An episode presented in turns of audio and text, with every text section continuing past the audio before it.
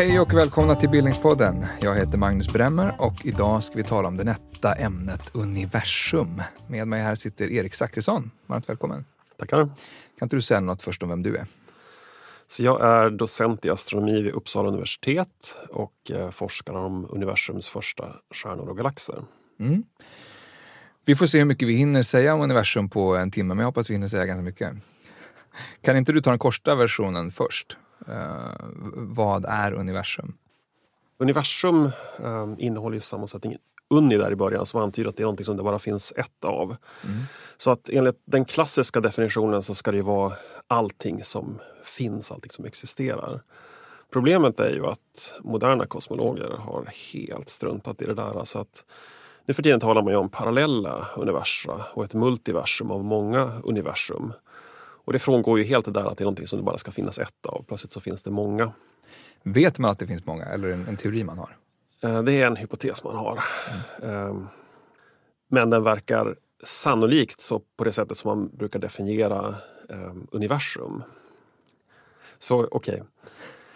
Vi sitter liksom i en sorts eh, bubbla bortom vilken vi inte kan få in någon information. Så vi vet inte vad som finns utanför.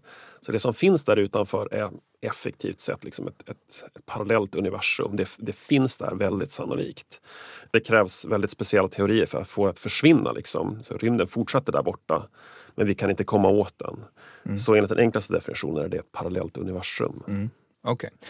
Ja, vi får gå in på, på eh, eh, alla olika metoder man har för att försöka utröna vad som finns utanför den här bubblan. Men om vi, skulle, om vi placerar oss själva här nu, vi sitter i en studio. Eh, på Stockholms universitet ligger Frescati, eh, en del av Stockholm, som är en stad i Sverige, som ligger i Europa.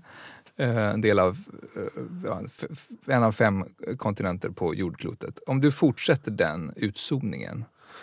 Ja, um så då är vi på planeten jorden som är en av åtminstone åtta planeter i vårt solsystem. Så vi kretsar kring en sol bland någonstans mellan 200 och 400 miljarder andra i våran galax Vintergatan.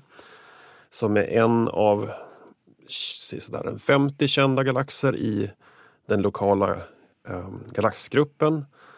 Som är del av en större struktur som heter Laniakea som innehåller åtminstone 100 000 andra galaxer.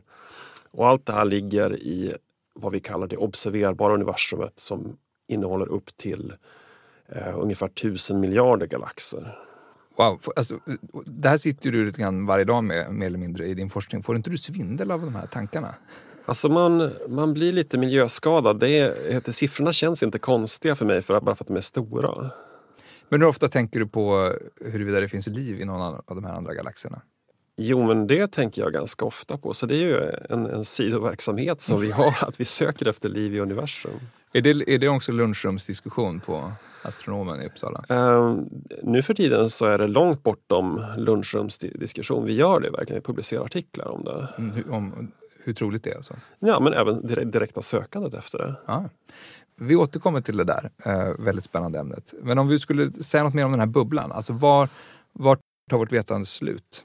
Ehm, um, vårt universum har uppstått för ungefär 13,8 miljarder år sedan. Och det sätter en gräns för hur långt bort i rymden vi kan få kunskap om saker. Så det ljus som har färdats 13,8 miljarder år eh, för att nå oss det är då det, det, det, ljus som har vandrat längst och ändå kan nå oss.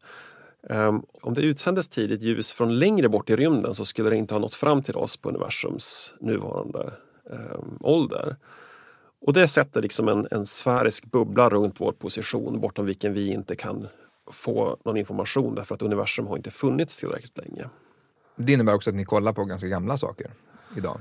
Alltså, vi, här kommer det ju paradoxen i det. Så att om vi tittar på saker långt borta i rymden så ser vi dem som väldigt unga. Därför att när det där ljuset utsändes så var universum ungt. Så ju längre bort i rymden man tittar, eh, ju tidigare epoker i universums historia ser man. Mm. Där, även om man förstår grejen med ljusår så är det där lite svårt att ta in. Alltså man, tekniken är så långt framskriden så man kan se så långt bort Ja, så alltså, något som inte hunnit färdas hit i ljusets hastighet på en viss tid. Då.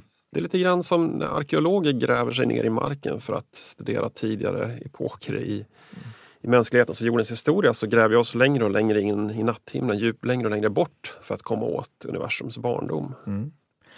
Eh, alltså vilka, vilka naturvetenskapliga discipliner är det som håller på och, och gräva i den där natthimlen?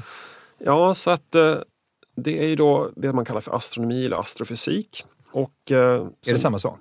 Det, vi kan säga att det är typ samma sak. Eh, om vi ska hålla den där Astrofysik timmen. handlar lite mer om liksom fysiken bakom det hela, men det är i stort sett samma sak. Okay. Um, sen har man rymdfysik som man kan säga är um, det är forskningen om så långt bort i rymden som man kan skicka en rymdsond ungefär. Så det handlar liksom inom solsystemet. Typ. Mm. Um, och sen finns det lite andra vetenskapliga discipliner som kommer in. Teoretisk fysik um, och uh, astropartikelfysik. Kvantfysik då? Ja, till viss del. Mm. Um, det är som en del av astrofysiken kan man säga. Okay. Och sen um, så finns det ju till exempel det man kallar för astrobiologi som handlar om förutsättningarna för liv i rymden och där kommer kemi in, geologi, biologi så det är de naturvetenskapliga delarna av, av det hela. Mm. Och, alltså, när, när nådde hela det här gänget av discipliner senast en, en liksom radikalt ny upptäckt som alla har fått förhålla sig till? Ja, det var ganska nyligen. Så 2016 så upptäckte man eh, gravitationsvågor för första gången och det delades ut ett Nobelpris för det förra året. Och det var en sån stor upptäckt. Man hade väntat ganska länge på att den där upptäckten skulle göras. det fanns det har delats ut ett Nobelpris tidigare för en sorts indirekt bekräftan av att de där borde finnas. Men eh, det var verkligen en stor grej och det har blivit en big business inom astrofysiken nu. Där snackar jag också mer än lunchrumssamtal. Ja. Det här är något ni behöver förhålla er till. Ja. Eh, går det kort att förklara vad gravitationsvågor är? Så en gravitationsvåg är en sorts störning i rumtiden som accelererande massor ger ifrån sig. Och för att vi ska kunna detektera dem så är det eh, enklast om det är ganska tunga grejer. Så att ofta handlar det om två stycken svarta hål som håller på att smälta samman. Mm. När gravitationsvågen passerar oss så sträcks längdskalor ut lite grann och dras ihop igen. Alltså otroligt små skillnader som vi i vårt vardagliga liv aldrig märker av. Men med en extremt exakt lasermätning på liksom kilometerlånga avstånd så kan man se den här äh, fluktuationen och fastställa ungefär varifrån den kom på himlen. Vad innebär den för, för liksom vårt liv? Eh, mer för vårt vardagliga liv ja. på jorden, absolut ingenting. okay. Men man har det är inte så att vi sitter och dras ihop och isär? Jo, samtidigt. jo det gör vi. Men ja. på så liten skala så att det spelar ingen roll för oss och vi märker det aldrig. Okay. Mm. Um, utan det, vad man har upptäckt är till exempel um, väldigt massiva svarta hål som smälter samman ute i rymden. Sådana som man inte ens riktigt visste om de fanns. Mm. Vi, vi, kanske får ta en liten glosbok här, för vad är svarta hål? Ja. Ett svart hål är ett objekt som är så um, kompakt och har så stark gravitation att inte ens ljuset kan fly ut från det. Och det suger i viss mån till sig saker och det finns en sorts um, en point of no return. När man har passerat inom för det så finns det som ingen känd mekanism som kan få ut det igen på ett mm. enkelt sätt. Men vi, vi, ingen mäns människa har hamnat i något svart hål? Nej, nej vi befinner oss väldigt långt från alla svarta hål. Det är ett väldigt sällsynt objekt i rymden. Men det är någonstans inom Vintergatan? Ja visst, galaxen. Vintergatan innehåller många svarta hål. Ah, okay. mm. Vi har ett så kallat supermassivt svart hål i Vintergatans centrum. Så alla, alla större galaxer har ett, ett väldigt massivt svart hål. Mm i galaxens mitt. Men det finns inget i solsystemet? Vårt solsystem? Nej. Nej. Okay. Eh, maskhål då förresten, är väl också något som nämns ibland i de här sammanhangen. Vad, eh, vad är det? Så maskhålet är en hypotetisk tunnel kan vi säga genom rumtiden eh, som i princip skulle kunna låta dig färdas från en plats till en annan på i stort sett nolltid. Eh, och om sådana existerade så skulle det göra det möjligt för dig att dels resa extremt långt i rymden. Ehm, men även i princip att resa i tiden. Det känns som något som hämtar från tv-spel sådär. Eh, okay. Eller science fiction-film. Alltså det, det, finns ingen... Eh, känd fysikalisk princip som tydligt säger att maskhål inte kan existera. Men vi har mm. aldrig hittat några, så det är som mm. fortfarande en teoretisk konstruktion. Och rumtid som du nämnde, det kan man höra mer om i vårt avsnitt om Einsteins relativitetsteori. Ehm, eh, men eh, mörk materia? Ja, så mörk materia är någonting som vi har känt till ganska länge nu, så ungefär sedan 1930-talet. Så det är, det är någon form av materia som väger väldigt mycket men som varken utsänder eller absorberar något ljus. Och den verkar omge alla galaxer i en så kallad halo. Och när man säger halo så tänker folk ofta på någon sorts ringformad grej men det här är som, mer som en, en fylld, lite oformlig sfär mm. av den här materian. Men som omger allt vi känner till? Den, den omger och eh, genomströmmar förmodligen allt också. Mm.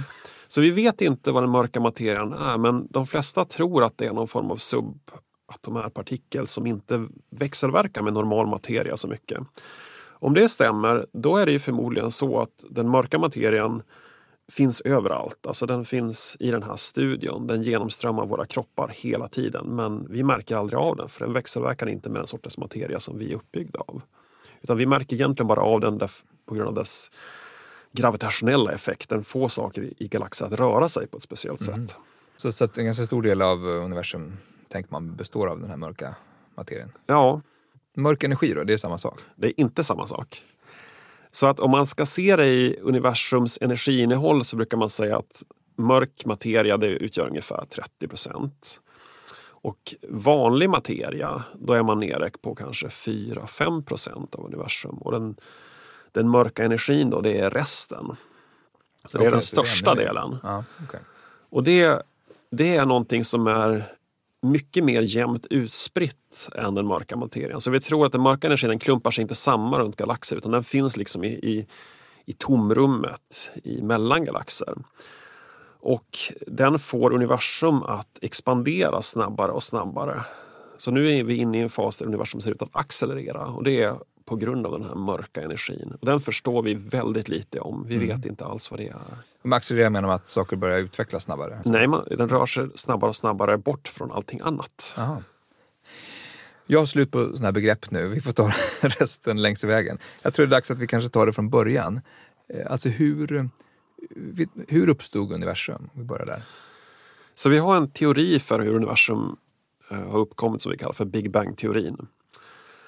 Och eh, vad den säger är att universum, vårt observerbara universum startade väldigt litet och väldigt tätt och med väldigt hög temperatur. Så att allt det som vi kan se i rymden omkring oss nu har för länge sedan, för ungefär 13,8 miljarder år sedan, varit ihoptryckt till någonting som är mindre än en atom. Mm. Och eh, från det har det då expanderat och utvecklats till det vi kan se omkring oss nu. Men Big Bang-teorin innefattar inte det faktiska skapelseögonblicket utan hela Big Bang-teorin, den del som vi kan lita på, den startar en bråkdel av en sekund efter liksom, t lika med noll, det tänkta skapelseögonblicket. T lika med noll, det är, liksom, där, det är där allting börjar. Men Nej, själva... Möjligen alltså, men... Vi tar möjligen sen, eh, eller eventualiteterna sen. Men alltså eh, det där ögonblicket, det är, liksom, det är nollpunkten. Och sen kommer explosionen väldigt, väldigt, väldigt kort efter. Så att det är inte en explosion utan det är en expansion av eh, rymden i sig. Big expansion. Ja. okay. Uh, som vi då kan spåra från den här korta, korta tiden efter den tänkta startpunkten och sen fram till idag. Men vad vet man om det där T lika med noll?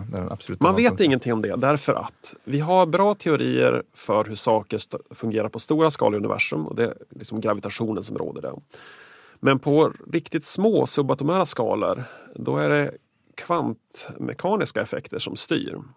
Så i dagsläget så har inte vi de teoretiska redskapen eh, för att förstå universums historia så tidigt. Men man tänker sig att det möjligen är så att det fanns en helt annan värld före det här, den här nollpunkten? Det är i princip möjligt att det har funnits ett universum före eh, det så kallade Big Bang-ögonblicket. Ja. Mm. Och då, det, är bara, det är bara att multiplicera det väldigt många gånger för att förstå att det kan vara någon slags oändlighet vi pratar om här. Ja. Mm, Okej. Okay. Eh, men eh, Big Bang inträffar, eh, expansionen börjar. Var, liksom, väldigt mycket händer väl här under de första sekunderna i stort sett? Ja, det gör det. Så dels så tror vi att det redan under en otroligt liten bråkdel av en sekund så måste universums expansion ha genomgå ett ryck som man kallar för inflationsfasen. Mm.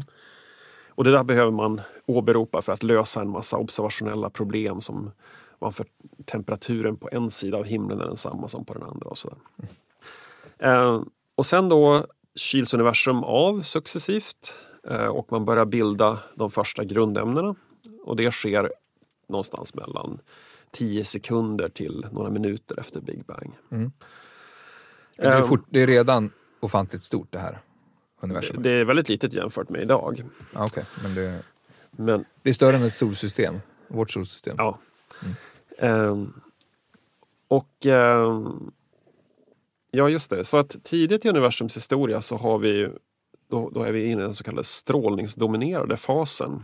Och universum befinner sig i ett joniserat tillstånd. Alltså universum är en plasma. Vad det betyder är att eh, det är väldigt hett och att ljuspartiklarna, fotonerna, de studsar runt bara. De färdas inte långa sträckor så att man säger att universum är ogenomskinligt.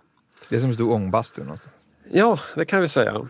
Och det dröjer ganska länge sedan, 380 000 år, innan ljuspartiklarna börjar kunna färdas långa sträckor i rymden under lång tid utan att liksom ändra riktning. Och då säger man att universum blir genomskinligt. Och hur långt är det efter Så det, det är ungefär 380 000 år efter Big Bang.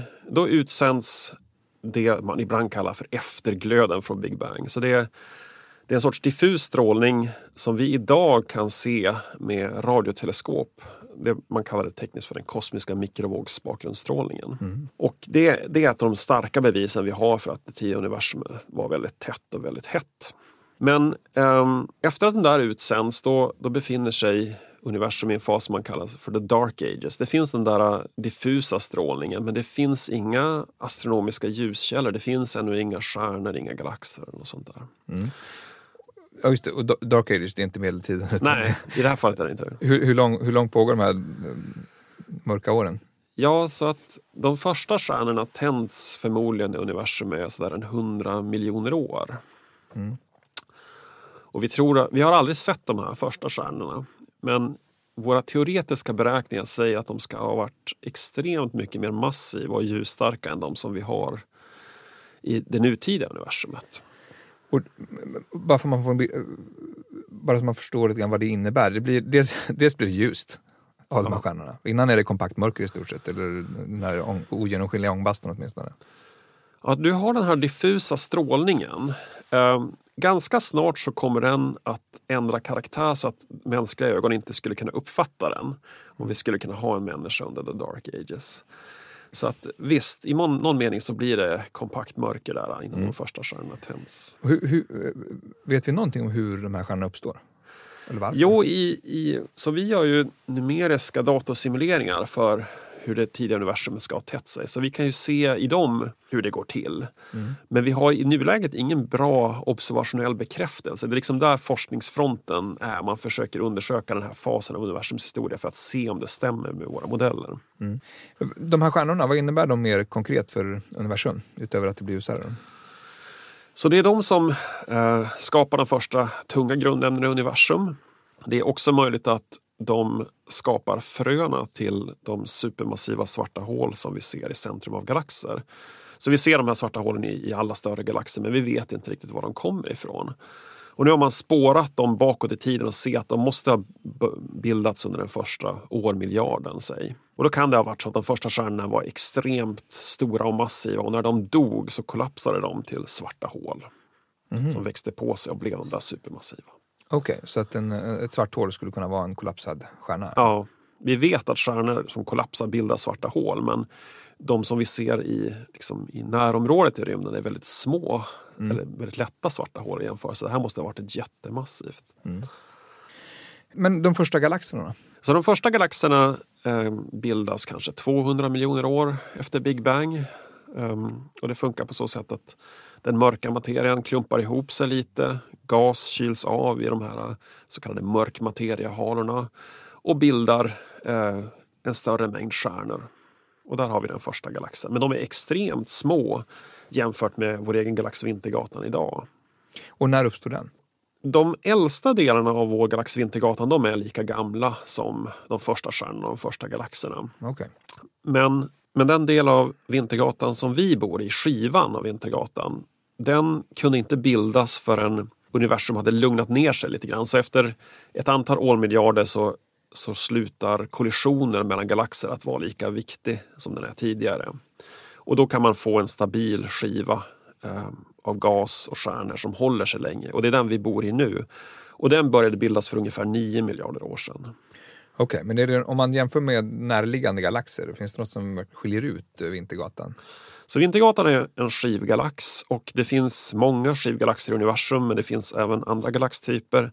Det finns elliptiska galaxer, det finns oregelbundna galaxer, det finns linsformade galaxer. Alltså det handlar om hur planeterna och stjärnorna är utformade? Ja, formen på dem och mm. även innehållet. Eh, så vissa innehåller både gas och stjärnor, vissa bara stjärnor och sånt där. Mm.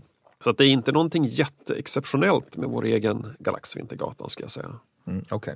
Hur mycket av allt det här kan vi se om vi går ut liksom, på natten, en stjärnklar natt, och tittar uppåt? Hur mycket kan vi se? Kan vi se skivan? Så eh, utan hjälpmedel, om man bara går ut någonstans mörkt, så utanför stan och vänjer ögonen vid mörkret så kan man efter en stund se ett diffust ljusband över himlen.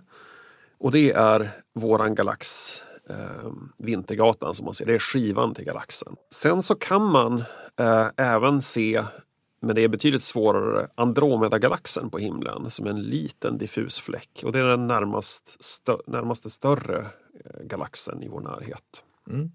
Om man åker till södra halvklotet så kan man även se stora och lilla Marcellanska molnen som är ganska stora diffusa områden på himlen och det är två närbelägna eh, dvärggalaxer i mm. Vintergatans närhet. Dvärggalaxerna, de Marcellanska molnen. Ja. Jag har nu fått ett helt nytt favorituttryck. Men om vi, vårt solsystem då, om vi ska snabbspola lite. Eh, vad vet vi om eh, vårt solsystems historia? Så vi vet att solen uppstod för ungefär 4,6 miljarder år sedan. Och eh, vi vet att tidigt i planetsystemets historia så var det som en vild tid där saker och ting kolliderade med varandra. Och våran måne den bildades kanske 100 miljoner år efter, eh, efter att planetsystemet har blivit till genom en kollision, eh, tror vi, där jorden kolliderade med en annan himlakropp som inte längre finns kvar. Den har ett hypotetiskt namn, Teia. Och eh, delar av den lösbrutna jorden och Teia bildade förmodligen våran måne. Um, det bröts loss en bit? Liksom, ja, det, det, tror vi. Mm. Uh, och solen är egentligen bara, det det är en stjärna uh, i, i den här galaxen? Ja. ja. Och som systemet bildades kring? Ja. Uh, men om vi bara planeterna då? Vi, vi rabblar upp de här nu, så om vi har missat i högstadieundervisningen. Okej, okay, så att de planeter som vi räknar som planeter idag är Merkurius, Venus, jorden, Mars, Jupiter, Saturnus, Uranus och Neptunus. I den ordningen? Säg något om den. Var, var, eh, så jag räknar inifrån från solen, så Merkurius är innerst. Merkurius är närmst solen? Just det, och Neptunus är längst bort. Men Pluto? Så Pluto räknades som en planet fram till 2006 eh, då man bestämde att man skulle sluta räkna den som planet. Och skälet till det är att utanför Neptunus bana så har man hittat jättemånga eh, småkroppar, ungefär av Plutos karaktär. Men inte storlek riktigt? Ja, men ungefär. Så mm. man har som degraderat Pluto till kategorin dvärgplaneter. Ah, okay. Men sedan några år tillbaka så finns det en idé om att det finns en nionde planet i vårt solsystem. Mm. Men som vi, inte, som, inte... som vi inte har upptäckt än. Och det här har man kommit fram till genom att studera banorna på en massa objekt som ligger där bortan, bortanför Neptunus. Och det ser ut som att de störs av en annan ganska massiv himlakropp och den här ligger väldigt långt ut i solsystemet men den är ganska massiv så den är ungefär 10-20 gånger mer massiv än vad jorden är. Så det är en rätt stor planet. Men vad menar du med en himlakropp här? Det är, det är en planet? Det är en planet. Ja, okay.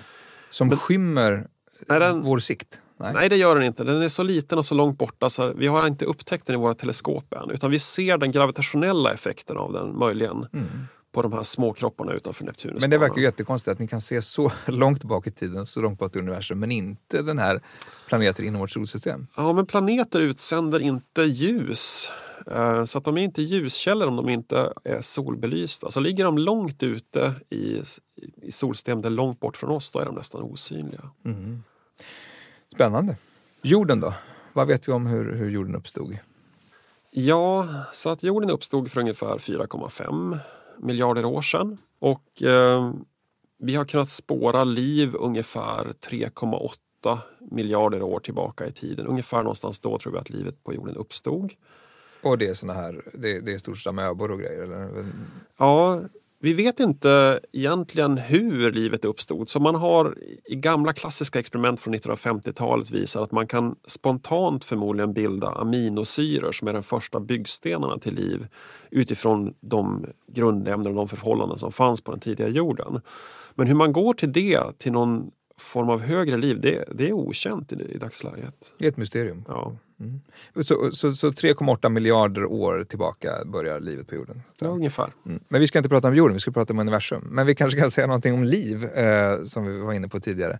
Va, hur, alltså om du ska ge någon, någon slags eh, forskningsläge på vad teorierna om liv eh, i andra delar av universum eh, möjligtvis skulle finnas, eller möjligheterna för. Vad, hur ser det ut? Ja, alltså forskningsläget ser väl ut så här ungefär att man, man brukar titta på vår egen planet jorden och då ser man att alla former av liv på jorden är beroende av ett och samma, samma ämne och det är flytande vatten. Kan inte vara fruset vatten, kan inte vara vatten i gasform. Så då har man börjat söka efter platser i universum där det kan finnas flytande vatten. Dels har vi några sådana i vårt eget solsystem. Men även kring andra stjärnor så har man hittat jättemånga så kallade exoplaneter. Så exoplanet, en exoplanet är bara en planet utanför vårt eget solsystem. Mm. Så man har hittat i dagsläget ungefär 3000 sådana. Och en del av de där ligger på ett sådant avstånd från sin moderstjärna att de skulle kunna ha flytande vatten. Så att från, från det sättet att se på det så verkar förutsättningarna för liv bra. Sen är det mycket möjligt att det krävs en massa andra förutsättningar för att livet Eh, ska uppstå. Vi vet ju som sagt inte exakt hur det gick till ens på jorden. Men, men eh, om du ska svara för hela det internationella forskarsamfundet här, men, så är det, man är ganska övertygad om att det ändå rimligtvis borde finnas liv någon annanstans? Nej, det där eh, kan man inte säga att man är så övertygad om.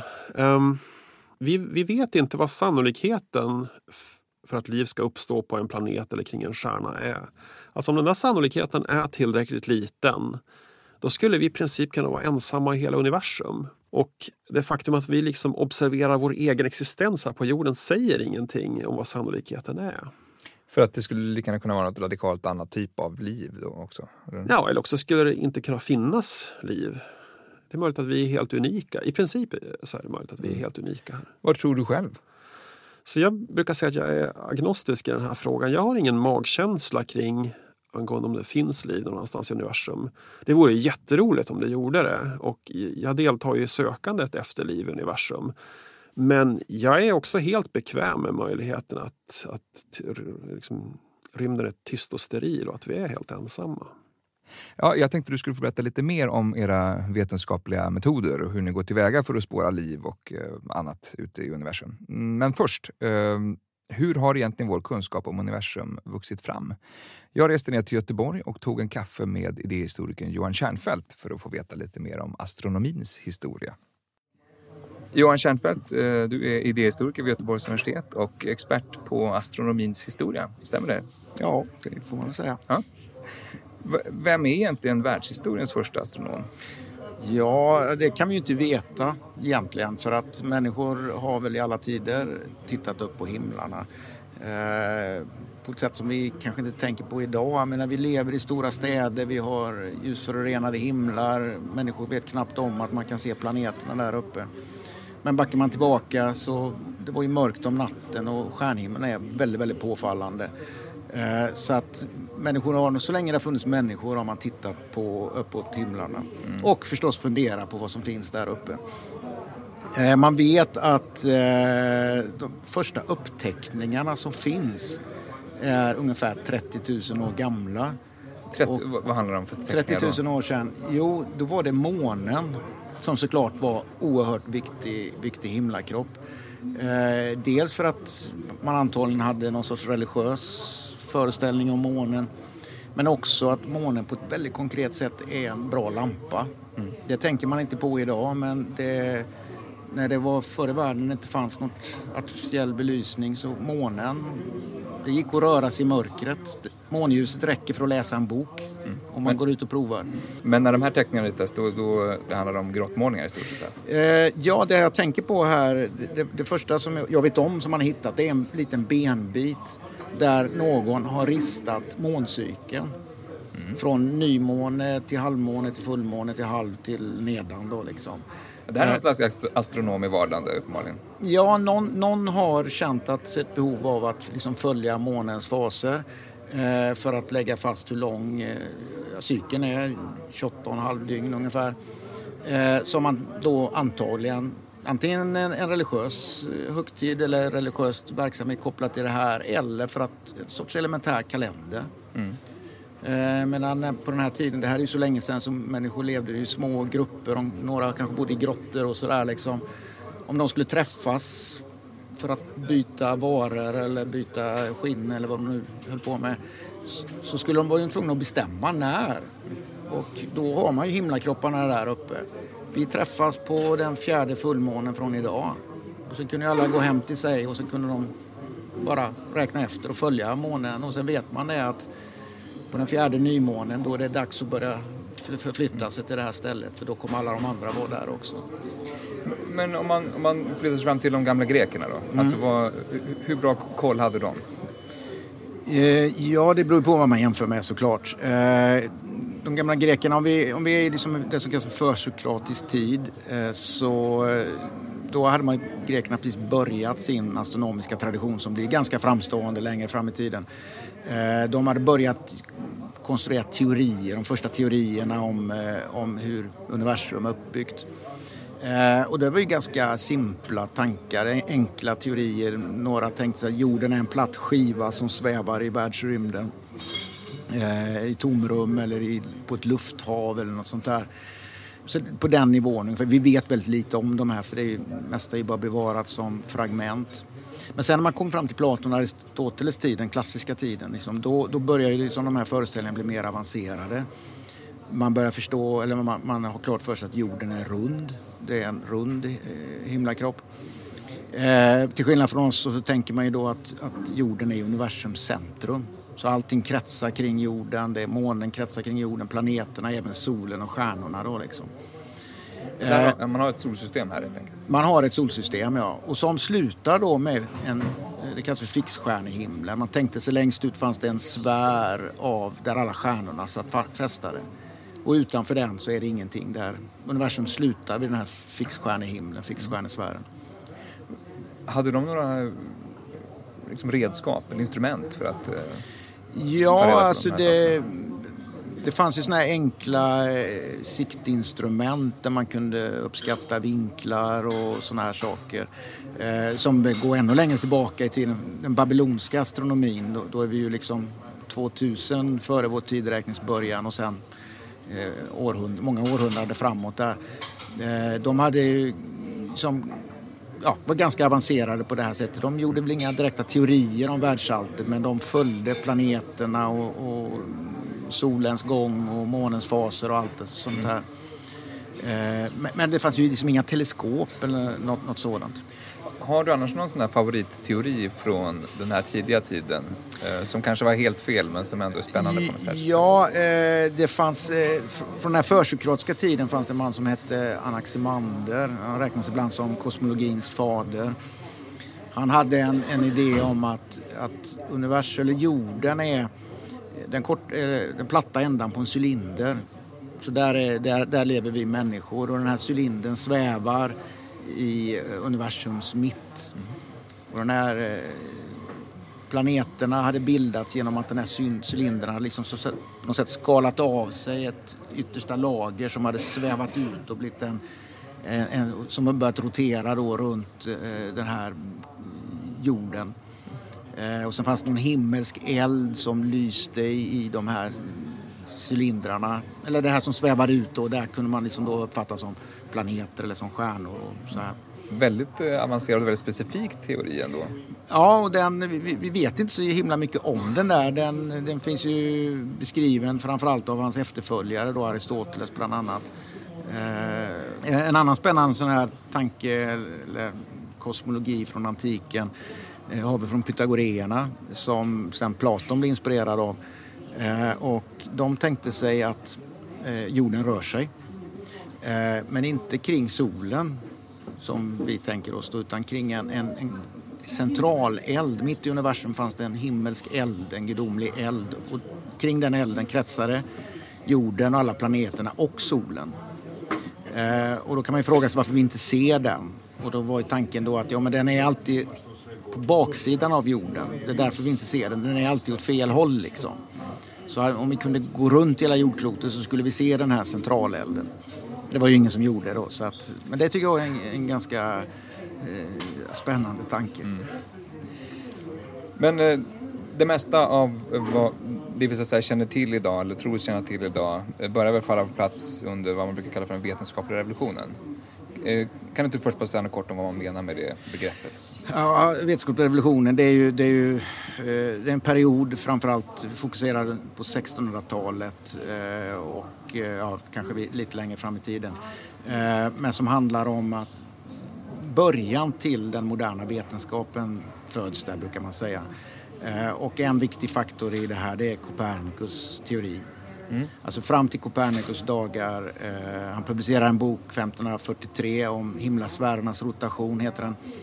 Eh, fram till den boken så hade man tänkt sig att jorden är i vila i universums mitt. Men i, med den här boken så, i den här boken så hävdar Copernicus då nej, jorden är en planet som kretsar kring solen tillsammans med alla de andra planeterna. Så det är solen som är universums mitt. Hur hade han listat ut det? Eh, ja, eh, han, eh, han ingick ju i den antika traditionen. Alltså från antiken, senantiken, det som kallas för hellenistisk tid, så, så utgick en tradition från en man som heter Claudius Ptolemaios som verkade i Alexandria på 100-talet. Han skrev en bok som heter Almagest som eh, var en astronomisk handbok. Alltså hur gör man astronomi? Hur räknar man ut när solen ska gå upp eller ner eller vad det nu är? Den astronomin hade sedan astronomer eh, pluggat ända sedan dess, ända fram till Copernicus dagar, alltså i 1500 år så var det här grundboken i astronomi. Eh, och när Copernicus, han är ju också skolad i det här, eh, han har vissa invändningar mot den här eh, teorin. Eh, han tycker den är oestetisk, den är klumpig i vissa avseenden och sådär och han vill reformera den. Eh, sen är han också besjälad av en tanke som var ganska utbredd under renässansen att om man eh, att en gång hade människan haft den sanna kunskapen om allting. När Mose var uppe på berget och pratade med Gud. Den här kunskapen har sedan traderats genom seklerna och förvanskats. Mm. Och då hade Copernicus den här idén om att man ju längre bak man tittar i historien, ju äldre källor man tittar på, desto sannare är det då. Mm. Vilket innebar att han tittar bortom Platon, Aristoteles och Ptolemaios då förstås. Och då fanns pythagoreerna där. Mm. Och de hävdade att jorden rör sig. Och då tänkte Copernicus, okej, okay, kan det här vara ett sätt att nysta upp problemen som astronomin har? Trots att det var massa annat tidigt som var helt fel? Ja, utan det är själva tanken då att jorden rör sig. Men, uh, och, och vid Copernicus tid så hade man ju naturligtvis tagit en hel del tekniska språng också. Vilka är de viktigaste där? Inte så mycket än, det kommer lite senare. Det är fortfarande ganska enkla siktinstrument, man kan mäta vinklar och sånt här på himlen men inte, inte mycket mer än så. Teleskopet då? Teleskopet då är vi i början av 1600-talet så att det, det, det är senare. Eh, men, men, grejen är att när Copernicus då sätter jorden i rörelse så att om man accepterar det här, tanken, då havererar plötsligt den traditionella aristoteliska fysiken. Därför den bygger på att jorden är universums mitt. Så att köper man idén om att jorden är en planet då måste man också börja fundera på fysiken. Mm. Och det öppnar då upp för det som kommer sen som leder fram ända fram till Newton och gravitationsteorin. Mm. Och om vi skulle ta den vetenskapliga revolutionens stora upptäckter, har du en topp tre-lista? En topp tre-lista, ja, då är Copernicus är nummer ett. Eh, nummer två sen eh, måste vara eh, Kepler, Johannes Kepler. Mm. Vad var det han eh, kom fram till? Som eh, Alltså fram till Keplers dagar så hade ju astronomer varit helt upptagna med tanken att allting på himlarna rör sig i perfekta cirklar med jämn hastighet. Därför att himlarna är den gudomliga delen av universum. Där måste allting vara perfekt. Det mest perfekta är en cirkelrörelse. Och den mest perfekta rörelsen är jämn hastighet. Alltså att den inte ändras då. Och så hade man byggt liksom maskinerier med kombinationer av cirklar på cirklar för att liksom förklara hur planeterna rör sig där ute. Kepler överger den tanken efter mycket vånda och mycket besvär eh, och kommer fram till att planeterna de sitter inte fast på någonting som roterar utan de rör sig genom tomrum i ellipsformade banor. Mm. Det är Keplers första lag. Mm. Eh, och han tänker sig också att det finns någon sorts kraft som driver dem runt genom tomrummet. Han pratar om en magnetisk kraft. Så att det där är det nummer två då. Eh, nummer tre, det får väl vara Newtons gravitationsteori då mm. som som ger substans åt eh, det här med kraftbegreppet. Eh, där Newton talar om, eller antar att det finns något han kallar för universell gravitation. Att alla himlakroppar i universum påverkar alla andra himlakroppar i universum med en kraft som då är proportionell, omvänd proportionell mot avståndet i kvadrat. Okay. Eh, så att, och då menar Newton att det är den här gravitationskraften som håller ihop allting. Och då är det solsystemet han pratar om så att det är solen som styr och sen planeterna som planeternas bana definieras då av den här kraften. Så Copernicus säger att planeterna rör sig runt solen. Eh, Kepler ser de elliptiska banorna huvudsakligen ja. och, och rörelsen i tomrum och eh, gravitationen, Newton. Ja, ja. precis. Eh, Kepler och Newton, när ungefär i tiden är det? Eh, Kepler publiceras i början av 1600-talet. Jag kommer inte ihåg årtalen exakt. Newton är mot slutet av 1600-talet. 1687 tror jag hans bok om, om Principia som den kallas, om gravitationsteorin kommer. När skulle du säga att astronomin som en modern vetenskap börjar ta form? I någon mening så kan man kanske säga att det kommer med Newton. Eh, därför att gravitationsteorin visar sig vara extremt kraftfull eh, och den kommer att dominera astronomin ända in i 1900-talet när Einsteins relativitetsteori eh, eh, utmanar delvis. Eh, så att med Newton så då börjar någonting nytt. Då. Sen kan man ju man kan ju komplicera det mer. Alltså, fram till 1920-talet så trodde astronomerna att det finns bara en, ett stjärnsystem i hela universum. Eh, man, galaxer som vi är bekanta med idag, det var liksom inte riktigt påtänkt förrän på 1920-talet. Mm. Så att hela den moderna, moderna astronomin den startar där någonstans. Mm. Eh, med, med eh, Einsteins relativitetsteori, den allmänna relativitetsteorin eh, som sen ledde fram till föreställningen om en Big Bang. Mm. Eh, Men äh, tänk på liksom när den blir institutionaliserad så blir, blir institut, och observatorier och, och forskarlag. Observatorier går ju ganska långt tillbaka i tiden. Redan de här gamla babylonierna hade observatorier. Under den vetenskapliga revolutionen så är det Tycho Brahes observatorium på Ven som är kanske det mest berömda. Mm. Fortfarande innan teleskopet. Då. Vad eh, bidrog det till förresten för upptäckten? Eh, Tycho Brahe, han, eh, ja dels så var han den första utav de här under den vetenskapliga revolutionen som gjorde systematiska observationer där han verkligen följde himlakropparna natt efter natt efter natt och mätte med väldigt stor, för tiden väldigt stor precision då hur de här rörde sig. Eh, vilket innebar att han skapade ett helt nytt empiriskt underlag för astronomer som var eh, oerhört mycket bättre än någonting som hade funnits tidigare. Mm. Men sen så fortsätter man, man bygger ju observatorium, varenda eh, huvudstad åtminstone har ju ett observatorium. Därför att från, eh, ja, det är från 1600-talet och 1700-talet så att det är astronomerna som definierar tiden. Mm. Eh, inte bara att de, de står bakom kalenderväsendet utan vad är klockan? Det är astronomerna som bestämmer vad klockan är genom att vissa speciella observationer de gör. De ställer klockorna. Så att man har, måste ha, eller man har observatorium i de flesta stora städer. Här i Sverige, vi har det i Stockholm, Uppsala, i Lund, de här gamla observatorierna. Du är intresserad av 1800-talet också. Vad, vad, ja. vad, vilka bedriver astronomi vid, under 1800-talet? Ja, du har, du, du har ju de här, som, som säger, de här professionella observatorierna med, med universitetsprofessorer. En del drivs av vetenskapliga akademier som eh, observatorier på Observatoriekullen i Stockholm till exempel då, som Vetenskapsakademin står bakom. Då har ju den kategorin eh, som finns ganska många. Eh, sen får man ju framförallt i England eh, amatörastronomer. Eh, och många gånger väldigt, väldigt rika amatörastronomer som har helt andra förutsättningar än universitetsastronomerna då, eh, att bygga saker.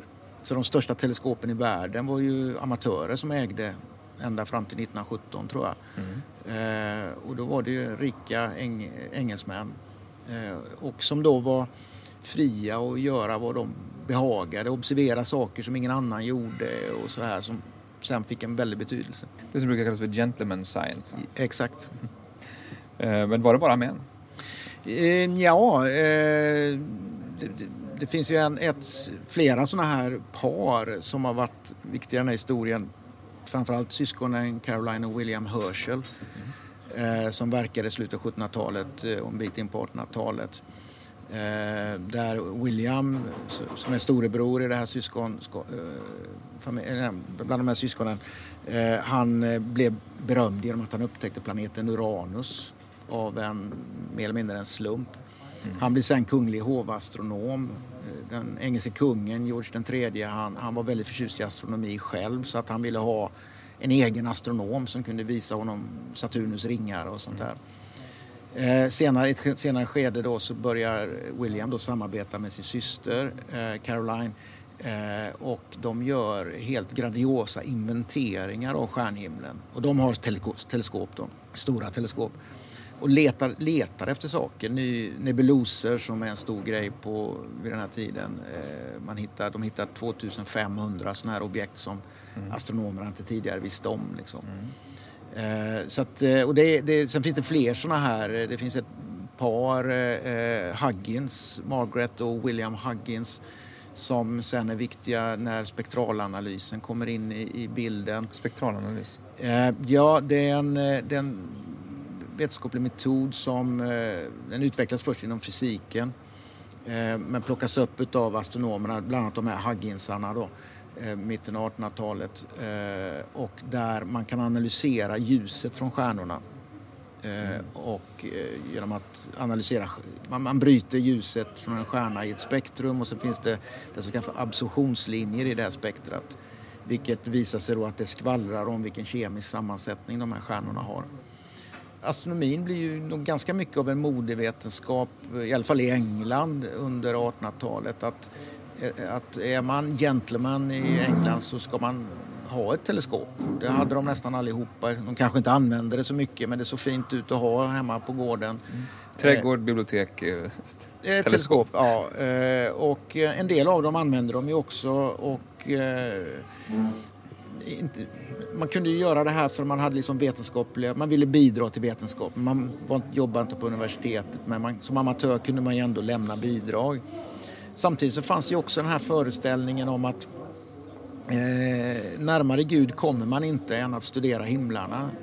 Så det var en sorts, det var en sorts andakt i det här. Som... Ja, här stod inte vetenskap mot, mot tro? Nej, oh nej, oh nej. nej den, den har sällan gjort det. det eh, utan det här var ju snarare, snarare tvärtom. Alltså det, det var ett sätt att, att eh, ja, närma sig Gud, att studera Guds skapelse. Mm. Och det var en ganska stark eh, föreställning i, i, i bland annat den engelska traditionen. Om man tänker från den här tiden och in på 1900-talet, tas det något så väldigt radikalt utvecklingssprång? Är, är det liksom Einstein relativitetsteorin? Jag skulle säga att det, det, spektralanalysen är det viktigaste. Okay. Därför att det, eh, det sätter ett verktyg i händerna på astronomer som de använder fortfarande in i vår egen tid och som är fundamentalt viktigt därför att det, i och med den här så går det att förstå vad stjärnor är, består av, hur de är uppbyggda, vilka grundämnen de har, består av och därmed så kan man också börja göra teorier för varför stjärnor brinner, hur de utvecklas, var kommer de ifrån, hur, hur, hur lever de så att säga och vad händer när de dör. Det är spektralanalysen som gör det. Mm. Eh, men sen är det såklart, relativitetsteorin är viktig framförallt när man upptäcker universums expansion och kan koppla det ihop med relativitetsteorin. Då, blir det grunden till eh, den moderna Big Bang-teorin, mm. eller standardteorin som man också kallar det. Men finns det fler sådana här sekelskiftesteorier som, man, som, man, som vetenskapen fortfarande bygger på idag? Ja, eh, idén om att vi inte bara har en galax är ju fundamentalt viktig såklart. Alltså, fram till 1920 så det var en dominerande uppfattning bland astronomer var att det, universum består av ett enda stjärnsystem.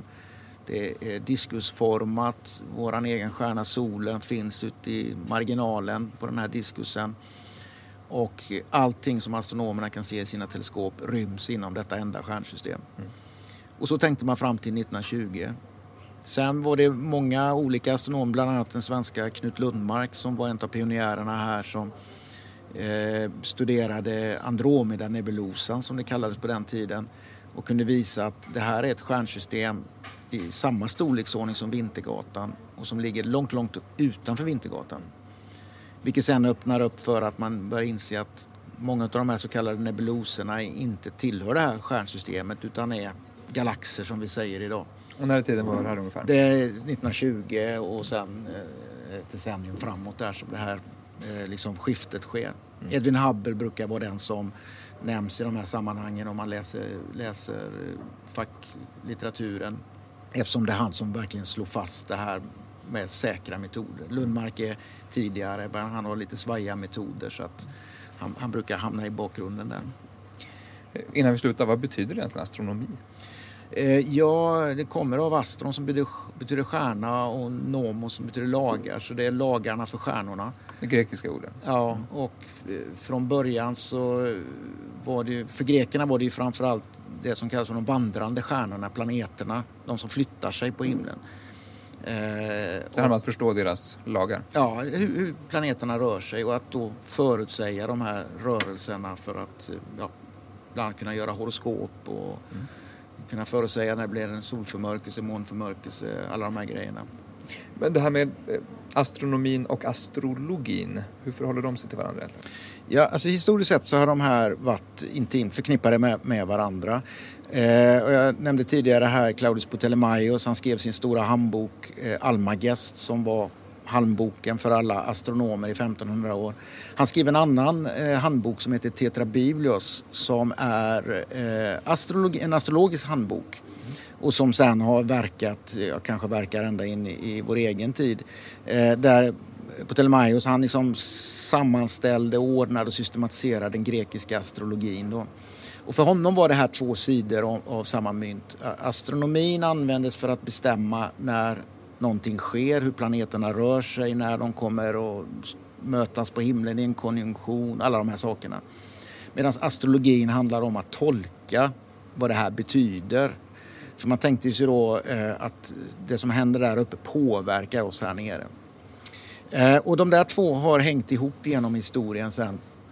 Eh, inte minst för att människor är fåfänga och rädda för vad som ska hända och sådär. Eh, och har alltid varit beredda att betala för någon, att någon talar om vad som kommer hända. Man ställer horoskopet helt enkelt? Man ställer mm. horoskop, ja.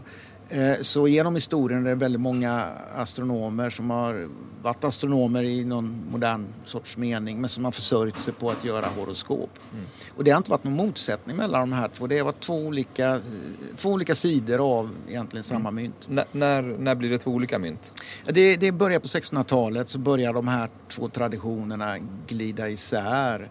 Det är också en effekt av den vetenskapliga revolutionen. Ja, det kan man säga. Att, att, eh, fortfarande är det ju så att Tycho Brahe till exempel, eh, han gör ju horoskop, det, han är förkämpe för en viss typ av astrologi och så vidare. Eh, men, men, de här två traditionerna de glider långsamt isär. Och eh, från kanske Newtons dagar med gravitationsteorin och så här så så betraktar ju astronomerna astrologi, det är ju bara, det är bara humbug och, och, och så här, det är ingenting vi sysslar med. Eh, och det finns ingenting som gör en astronom idag så upprörd som om någon, någon frågar. Alltså du är astrologi, astrolog, ställer du horoskop då? För den frågan får alla, alla astronomer liksom. Eftersom människor eh, inte kan hålla isär de här två. Det, det låter ju nästan likadant, termerna dessutom. Jag ska inte ställa den till Erik i studion. Nej, gör inte det. eh, Johan Kärnfeldt, tusen tack för att du ville vara med. Tack så mycket. Ja, så lät alltså när jag talade med idéhistorikern Johan Kärnfeldt tidigare. Men Erik, eh, mer då om era vetenskapliga metoder idag? Hur, eh, om ni ska, när ni spårar liv i universum, hur, hur, hur går ni tillväga? En metod som man tror kommer att få väldigt stort genomslag den närmaste 5 till 10 årsperioden det är att man studerar atmosfärerna kring de här exoplaneterna. Ehm, så med kommande teleskop så kommer man att kunna säga någonting om förekomsten av molekyler i atmosfären som vatten, metan och sådana ämnen. Och då kommer man i princip att kunna säga om en specifik exoplanet har en biosfär eller inte. Vad, vad menar man då med biosfär? Ja, så vi har ju en biosfär på jorden. Liksom, vi har en, en region på, vid jordytan där det finns liv. Mm. Vi har fotosyntes, vi har växtlighet och så vidare. Mm. Och, så man kommer att kunna diagnostisera planeter på det sättet och säga att den där har förmodligen liv, den där verkar steril. Mm. Hur, hur liksom säkra är ni på de, här, på de här sakerna som du har pratat om? Är det, liksom, det är mycket beräkningar och hypoteser och så. Säg, säg något om, liksom, om, om sannolikhetsgraden i de olika sakerna. Så när det gäller till exempel att fastställa ålder på universum så är eh, säkerheten stor därför att helt olika metoder ger ungefär samma resultat. Så man kan fastställa åldern på de äldsta stjärnhoporna i Vintergatan och det ger ungefär samma resultat som man gör eh, en tolkning av den så kallade kosmiska mikrovågsbakgrundsstrålningen.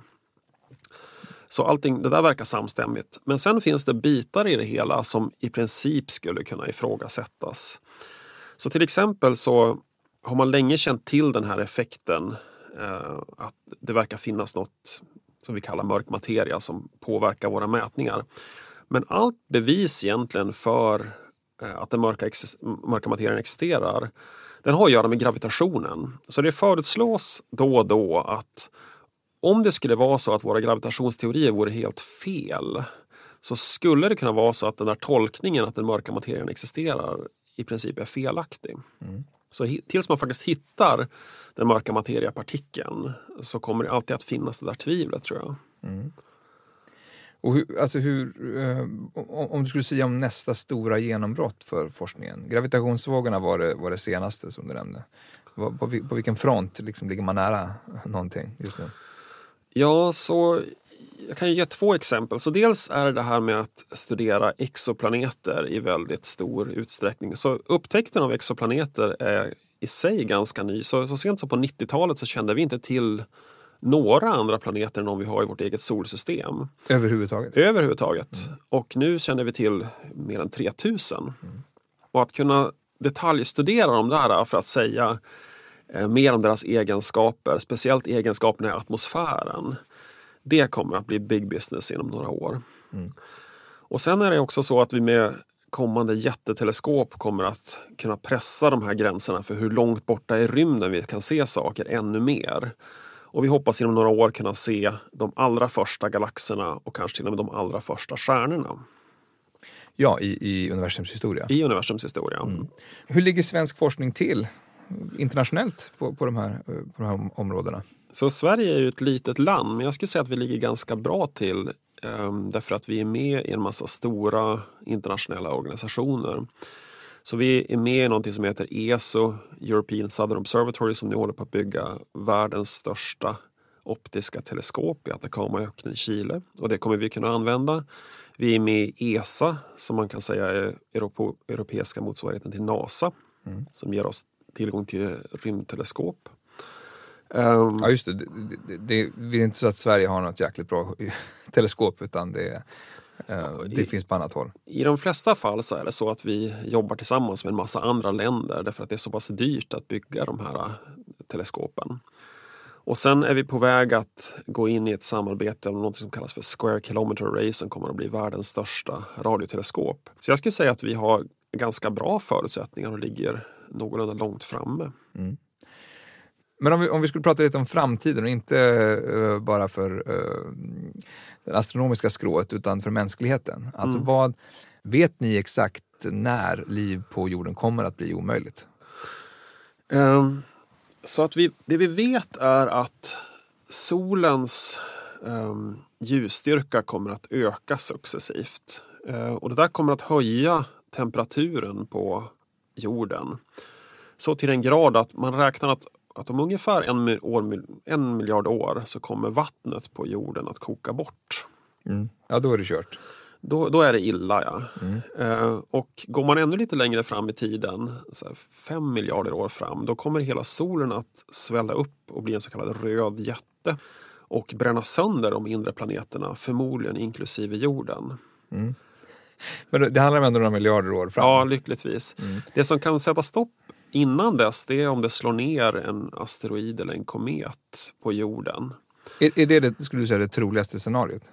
Ehm, om man, skulle, om man det- pratar om under, undergångsteorier här. Det är inte säkert att det kommer att utesläcka allt liv på jorden, för det verkar det inte ha gjort tidigare. Så jorden har gått igenom flera stora massutdöenden.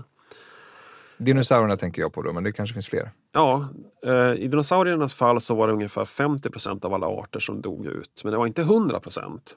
Så att jorden blev inte steril på något sätt. Men den sortens massutdöende kan man förvänta sig när någonting med en storlek av 10 kilometer något sånt där slår ner. Och det kan man uppskatta att det förväntas hända kanske en gång på 100 miljoner år. Det har hänt förut och det kommer att hända igen. Så om det är en 10 kilometer stor sak i rymden som kolliderar med jorden, då, då är allt liv kört.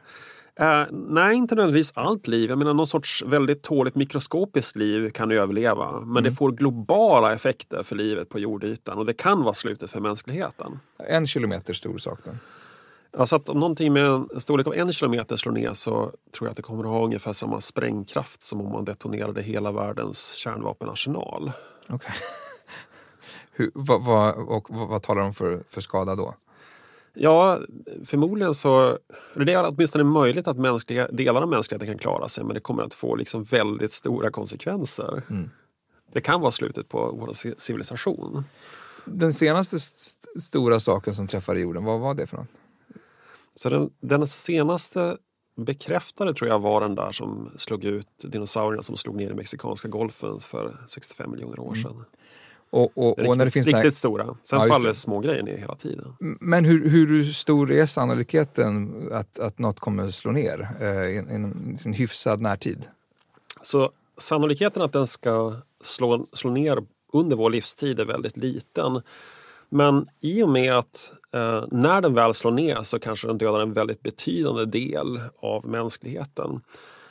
Då, då kan man räkna ut vad sannolikheten för att en, en given person ska få sitt liv utsläckt av en sån här är. Och då brukar det koka ner till att det är ungefär en på hundratusen. Det låter inte som att det är en särskilt liten sannolikhet. Dö i en trafikolycka det är en på hundra. Um, Okej. Dö i en flygolycka det är ungefär en på 30 000 så det är mer Och det här är 100 osannolikt. 000. En på 100 000. Men det finns osannolikare sätt att dö. Så att dö av hajbett det är en på 8 miljoner. Okej. Så det är troligare att en asteroid slår ner? Och, eh, Det är troligare att, vi dör av en, att, att en enskild person dör av en asteroidnedslag än av ett hajbett. ja, just det. Det behöver inte slå ut någon stor del av mänskligheten. Det kan räcka med att det... Ja, fast det finns inga kända fall där människor har blivit dödade av små nedfallande stenar. det det finns känns- fall där de har blivit skadade men inga, inga bekräftade fall där någon har dött av det. Jaha, okej. Boskap har dött men inte människor. Boskap har dött av någon liten asteroid. Ja, alltså, ja lite småstenar. Inte, Småsten. vi kallar det inte asteroid när det är en liten grej. Liksom. Vad är skillnaden mellan asteroid, meteorit och eh, så här, rymdskräp? Så att om en liten sten kommer in i atmosfären så upphettas den och börjar brinna. Och det här ger upphov till ett ljusfenomen som man kallar för en meteor eller ett stjärnfall. Ett stjärnfall är inte en fallande stjärna, det är en liten sten som brinner upp. Och den där stenen den kallar vi för meteorid när den är i atmosfären. Och när den har landat på marken, om den gör det utan att brinna upp, då kallar den för meteorit. Mhm. Meteorid in, innan den har slagit ner? Ja, Ja, okej. det är så. Ja. Och asteroid, det är när den är, Det är en liksom stor ute. grej. Det är en större grej? Ja. Mm. Är, men eh, det är något som ska slå ner i, eller något, som, något som rör sig i, i, i galaxen? Så. Ja, så vi har ett asteroidbälte i vårt eget solsystem mellan Mars och Jupiters bana. Det har ingenting med det här att göra alls. Ja, det är därifrån en del av de här stenarna som faktiskt slår ner kommer. Men, men hur, om nu en sån här stor grej skulle vara på väg mot jorden, hur snart vet ni i Uppsala där att det här kommer inte sluta bra? Så jag vet inte om vi specifikt i Uppsala har någon hemlig information om det här. Ni men, får höra kolleg via kollegor och någon säger det i men lunchen. när det gäller stenar som är större än säg 100 meter, då finns det internationella nätverk som försöker hålla koll på det där och vilka banor de har. Så, där. så då, då brukar förvarningen vara åratal i förväg. Att man säger att den här den skulle med en procent sannolikhet kunna korsa jordens bana om tio år. Eller något sånt där. Mm. Men när det gäller små stenar, då har vi mycket mindre förutsättningar. De, de små stenarna är mycket mindre farliga naturligtvis. Så det finns ett känt fall från 2009 där man upptäckte en, en 4 meters asteroid 19 timmar innan den skulle slå ner. Mm. Det, ja, men den är, det är inte farligt för mänskligheten. Och sånt där. Sannolikheten att den ska träffa bebodda trakter är jätteliten. Men mm. det är ungefär den framförhållningen man kan förvänta sig. Men någonting som skulle kunna slå ut en del av en, en, en medelstor svensk stad? Um, jag vet inte om jag kan göra beräkningen i huvudet men det där är inte någonting som jag tror att man behöver oroa sig för. Precis på samma sätt som att sannolikheten att skadas av en nedfallande sten är så jäkla liten jämfört med alla de här vardagliga farorna i trafiken. Ja, ja. Vi, vi oroar oss för trafiken först och främst. Ja. Innan vi slutar, om det nu är så att någon som har suttit och lyssnat på det här blir väldigt intresserad och kanske håller på att välja väg i livet och vill bli astronom. Hur, hur ska man gå tillväga tycker du? Så att om det är en ung person du pratar om mm. eh, så handlar det först om att man läser en naturvetenskaplig utbildning på gymnasiet eh, och sen eh, pluggar vidare på universitetet om man ska bli professionell astronom. Om man vill känna sig för eh, ifall det här är något för en eller inte så finns det en jättebra organisation som heter Astronomisk ungdom som har en jättemånga lokalföreningar över hela Sverige där man kan vara med. Det finns också andra föreningar för amatörastronomer där man kan prova på att titta genom ett teleskop. Ehm, men om man, om man vill satsa på att bli liksom forskare inom astronomi och leva på det här, då måste man ju läsa astronomi på universitetet under ganska många år. Mm. Tusen tack Erik Zachrisson för att du var med i Bildningspodden. Tackar. Och tack alla ni som har lyssnat. Det var sista avsnittet för säsongen, men vi är tillbaka på det nya året och då kommer även spännande saker att hända med Bildningspodden. Mer om det 2019. Du har lyssnat på Bildningspodden, en podcast från humanistiska fakulteten vid Stockholms universitet.